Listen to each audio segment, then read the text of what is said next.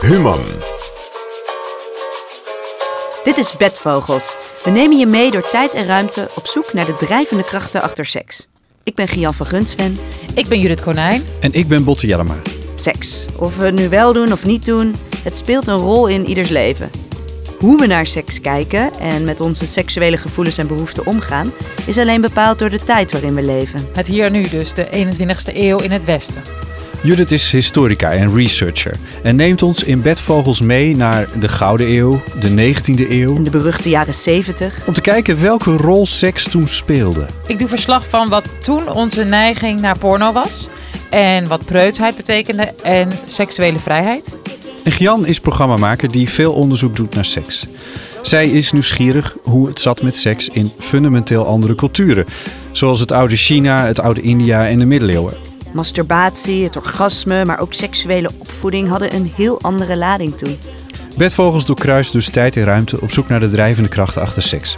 En jullie vertellen mij uitgebreid je bevindingen. En als het over seks gaat, ben ik een en al oor. Wie niet? Ja, wij komen je afwisselend verslag doen, maar voor deze feestelijke eerste aflevering blijven we er alle drie bij. Laten we beginnen bij de oude Grieken. Waarom? Nou, de meest herkenbare drijvende kracht achter seks, dat is misschien wel dat je je overmeesterd voelt door lust. Ja, ja. En die Grieken die hebben daar een eigen verklaring voor. Ik ben heel benieuwd. Ik associeer Grieken toch vooral met orgies in sportscholen. En... Ja, dat hoor je zo. Voor deze eerste aflevering was ik ook op bezoek bij acteur Gijs Scholten van Aschat. Hij leest voor uit klassieke Griekse teksten. Ja, ja. En ik, ik denk dat ik het vrij objectief lees. Niet te ingeleefd, niet te gespeeld, zal ik maar zeggen. Elke aflevering gaan we eerst raden bij ons vaste bedvogelspanel. Dat is een groep twintigers en dertigers die we hebben uitgehoord over hun ervaringen met seks. Ook over die ontembare aantrekkingskracht. Ik heb me wel heel erg aangetrokken gevoeld tot het zusje van mijn beste vriend. En toen? Ja, dat was niet te houden. Daar hebben we wel... eh, dat hebben we vol aan toegegeven. Ja, ik durf dan iemand gewoon niet in, in zijn ogen te kijken. Weet je wel, dat je even zo opkijkt en dat je gewoon helemaal schrikt van... Wow, wat gebeurt daar? Dat je denkt van, oh wauw, we weten gewoon van elkaar dat hier iets zit en dat broeit. Ik heb dat, precies dat gehad met een getrouwde vrouw was dat. En je merkt dat, eh, dat mag niet, dus het maakt het natuurlijk alleen maar spannender. En elke keer dat je elkaar ontmoet, dan, dan ja, wordt een beetje een soort van vicieuze cirkel. En op een gegeven moment is er toen één keer geweest dat we gezoend hebben. En dan, dan is er al zoiets van, ah, weet je wel, zou het dan toch kunnen? En dan gebeurt er dan weer vier maanden niks. Het is een soort van spel dat je dichter en verder van elkaar weggaat. En wanneer je, op het moment dat je er vertrouwen in hebt dat het van beide kanten komt, wanneer je eraan toe gaat geven. De, dan is er zo'n explosie eigenlijk van al die opgebouwde aantrekkingskracht tussen elkaar. En dan, ja, dan, dan is dat er ook helemaal uit ineens of zo, op de een of andere manier. Ik denk dat het juist het, het kenmerk van lust is dat het zo allesomvattend is of zo. Dat je dat zowel in je geest als in je lichaam voelt. En dat het een groot... eh, ja, dat je een beetje slachtoffer bent van je eigen verlangen.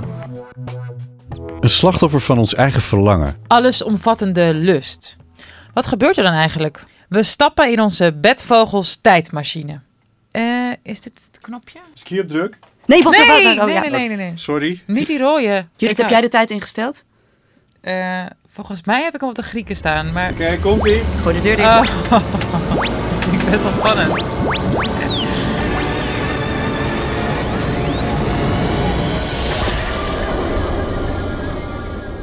We zijn beland bij het begin van de geschreven geschiedenis, de oude Grieken. We zijn zo ongeveer rond 500 jaar voor Christus. Klassicus David Reiser deed onderzoek naar lust in de oudheid. Hij vraagt zich af wat er gebeurt als je bevangen wordt door verlangen.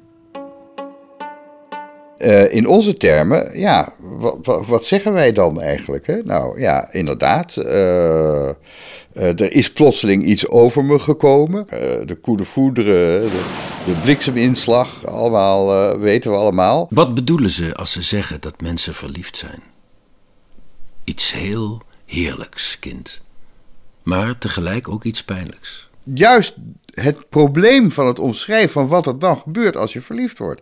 Je weet niet wat je overkomt. Ineens ben je een ander mens. Want weet je wel, mensen herkennen je niet meer. Eh, je doet de gekste dingen. Je gaat, gaat de nachten doorwaken. Eh, je, ja, je- je bent onherkenbaar. Als je verliefd bent of bevangen door acute alles ontregelende aantrekkingskracht, ben je volgens David Reiser dus niet jezelf. Hoe ga je daarmee om? Ik vond dat die Grieken dat heel goed deden, eerlijk gezegd. De Grieken hadden een heel speciale manier om hun verlangen te verklaren. Omdat je zo anders bent, zeiden die Grieken natuurlijk, dan moet er dus een god uh, op je inwerken. Ze hadden in het oude Griekenland verschillende goden voor de liefde, maar eentje was er speciaal voor het fysieke verlangen. Eros. Eros. Eros. De seksgod. In de oudheid zei je, ja, ik ben door Amor geslagen. Amor is dan de Latijnse naam natuurlijk voor Eros. En ik ben nu smoor verliefd. En ik moet en ik zal met die jongen of met dat meisje naar bed. De Grieken gaven hun verlangen dus een naam, Eros. En in verschillende mythes duikt Eros op, zoals bijvoorbeeld in die mythe van Phaedra.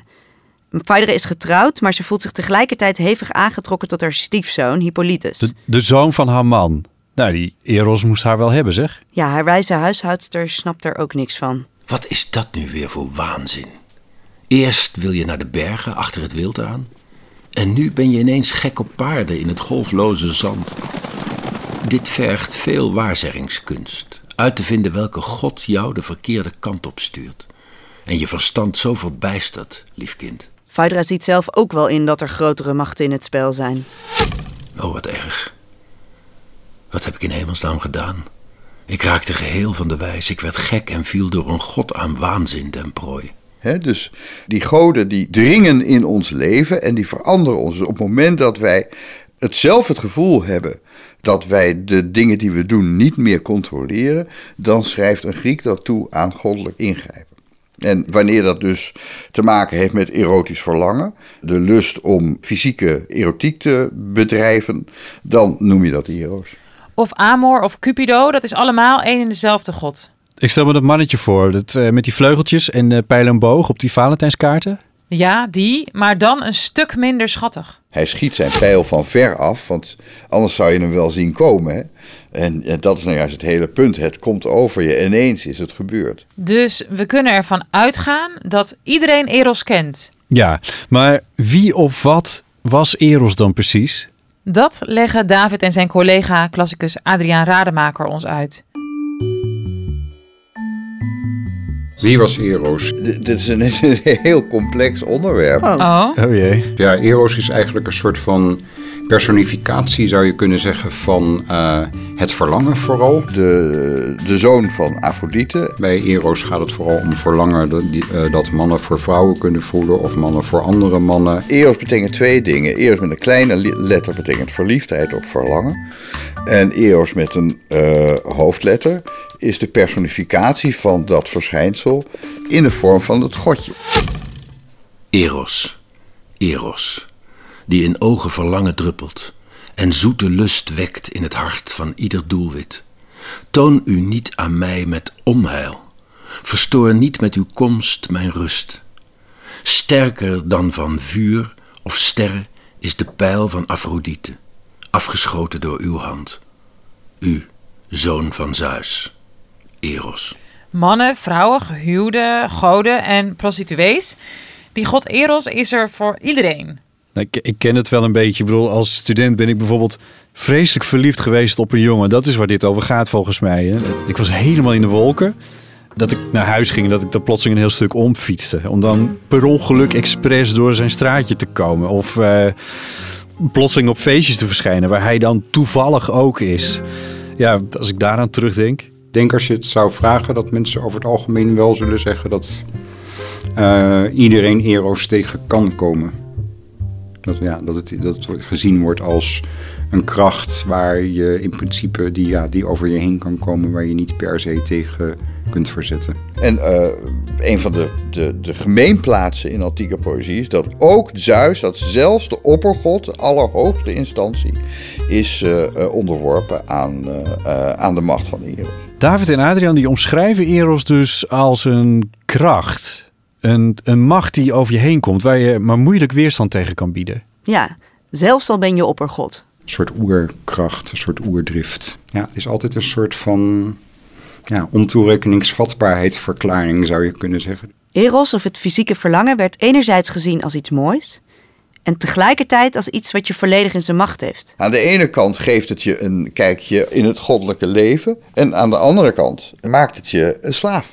Een slaaf? En vooral jonge mensen waren daarvan de dupe. Uh, de gedachte was inderdaad wel dat jonge mensen ontvankelijker zijn voor ero's. Ook wel dat vrouwen daar ontvankelijker voor zijn, minder weerstand kunnen bieden dan mannen geacht werden te doen. Voor we meer horen over hoe we dan precies weerstand moeten bieden aan onze verlangens, even terug naar de Grieken en welke plek seks innam in hun maatschappij. Het lichaam en het bewonderen van een perfect lichaam was heel erg aanwezig in deze oude samenleving. Al die standbeelden van naakte lijven en fasen met sekstaferelen. En sportscholen. Daar gingen mannen heen om aan hun lichaam te werken. Ze sporten daar naakt. En ze hadden daar soms ook seks met elkaar. Oh ja, dat hoor ik van mijn homo-vrienden nu ook nog wel eens dat het in sommige sportscholen in Amsterdam voorkomt. Het fysieke verlangen had een plek. Zeker voor de mannen. En de Griekse maatschappij was er dan ook op ingericht. Men zag het als een functie van het lichaam en als een nood die gelenigd moest worden. Betaalde seks was doodnormaal, met prostituees in alle categorieën en prijsklassen, voor ieder wat wils. Dat gebeurde in sommige kringen heel openlijk. Er werden weinig maatregelen tot privacy genomen. Er is op zich geen idee van verbodenheid in het beleven, beleiden, bespreken van seksualiteit. Waren er dan geen gewone huwelijken, traditioneel? En hadden ze daar dan seks? Er waren wel huwelijken tussen mannen en vrouwen, maar seks nam daarin niet dezelfde plek in als nu. In eerste instantie trouwde je voor nageslacht en niet het liefde. Omdat ze in belangrijke mate gearrangeerd waren, is het niet vanzelfsprekend dat het huwelijk de plaats is waar romantiek, erotiek enzovoorts plaatsvinden. Het kon ook een wat zakelijker, hartelozer eh, toestand zijn. Het was niet echt romantisch dus, zo'n huwelijk. Nee, alleen als je geluk had, had je die seksuele aantrekkingskracht met elkaar. Voor echte seks, om de seks, zocht je het buiten de deur. Vooral mannen dan. Als Eros niet in het huwelijk zijn plek vindt, dan moet het ergens naartoe. En dan krijg je toch inderdaad dat ze buiten de deur gaan zoeken. En bijvoorbeeld dat een getrouwde man er een andere vrouw bij heeft. Eh, daar is een soort van ideaal dat dat zou moeten kunnen. En tegelijkertijd zie je ook alweer dat dan toch vaak jaloezie en zo gaan opspelen. Ik vroeg acteur Gijs Scholte van Aschat naar de Griekse mythe van Medea. Koningsdochter Medea doet het ergste wat je in die tijd kon doen. Ze verraadt vader en vaderland om bij haar geliefde Jason te zijn. Ze trouwen en ze krijgen kinderen, maar dan wordt Jason verliefd op een ander. En uit jaloezie doodt Medea de zonen die ze met hem kreeg. Ach jeetje. Jason wijst Eros als de schuldige aan. Volgens mij, nu jij je zo laat voorstaan op je diensten, was het liefde die mijn onderneming heeft gered. De liefdesgod en niet een mens. Ja, je hebt wel een scherp verstand, maar ach, het is pijnlijk om uiteen te zetten hoe Eros met zijn pijlen jou gedwongen heeft een man als ik te redden. De Grieken hadden aan de ene kant dus veel vrijheid op seksgebied, maar ze moesten wel omgaan met die voortdurende dreiging van god Eros. Ja, en het idee van vrijheid betekent in die tijd wel echt iets anders. Vrijheid moet je definiëren in de antieke wereld als het niet onderhevig zijn, onderworpen zijn aan de bevelen van een ander. Dat is wat vrijheid is. En dat is waar de dreiging van Eros in beeld komt. Het, het vervelende van die Eros is dat die, eh, die maakt zich meester van jou. En dan ga je dingen doen die je niet wilt. En uh, waar je eventueel later spijt van krijgt. Dus het maakt je wezenlijk onvrij. Daar, tussen de controle over jezelf houden of verliezen. Daar ligt dus de grens. Ja, tenzij je er zelf voor kiest om de controle helemaal los te laten. Voor de Grieken was de ratio, het verstand, uiteindelijk het hoogste. Dus zolang je ergens bewust voor koos, was je nog vrij en kon je waarde genieten. Als het gevolgen heeft die je naar de hand betreurt, ja, dan moet je gaan wegen. Zo zitten denkende mensen in elkaar. Nou, daar kan je gewoon zonder, je hoeft er geen schaamte voor te hebben, je hoeft geen afkeuring te hebben voor het seksuele of het fysieke, maar je kan er wel uh, redelijk over nadenken en over praten. Wat doet het met je en in hoeverre moet je jezelf controleren? Die schaamte, dat herken ik wel. Dat je je zo laat meeslepen dat het bijna gênant is. En schaamde die Grieken zich dan niet voor dat grenzeloos gaar voor genot, die hedonistische levensstijl? Je moet het altijd nuanceren Schaamte is natuurlijk iets dat ze wel kennen. Die oude Grieken in de vijfde eeuw lopen niet naakt over straat. Dus eh, ze kennen wel degelijk schaamte. Dus dat, dat compliceert de zaak wel enigszins. Maar niet voor hun verlangen naar seks en voor hun lustgevoelens. Dat mocht er gewoon zijn. Je vindt in, in de oudheid voortdurend aanwijzingen dat mensen de seksualiteit als een, een vorm van extase zien die goddelijk is. Die een heerlijkheid geeft, eh, die op een andere manier niet te krijgen is en die je dus voor even, als het ware, een klein kijkje geeft op wat het leven, of het hemelse leven, of het hemelse, zo zagen dat niet, maar het leven van de goden eigenlijk is. Daarom beweer ik dat het de plicht is van iedereen om Eros te vereren. Ikzelf doe het ook en met grote toegave wijd ik mij hieraan. En ik raad anderen ook aan om zo te handelen. Ik verheerlijk nu en altijd de macht en de moed van Eros, zoveel als in mijn vermogen ligt.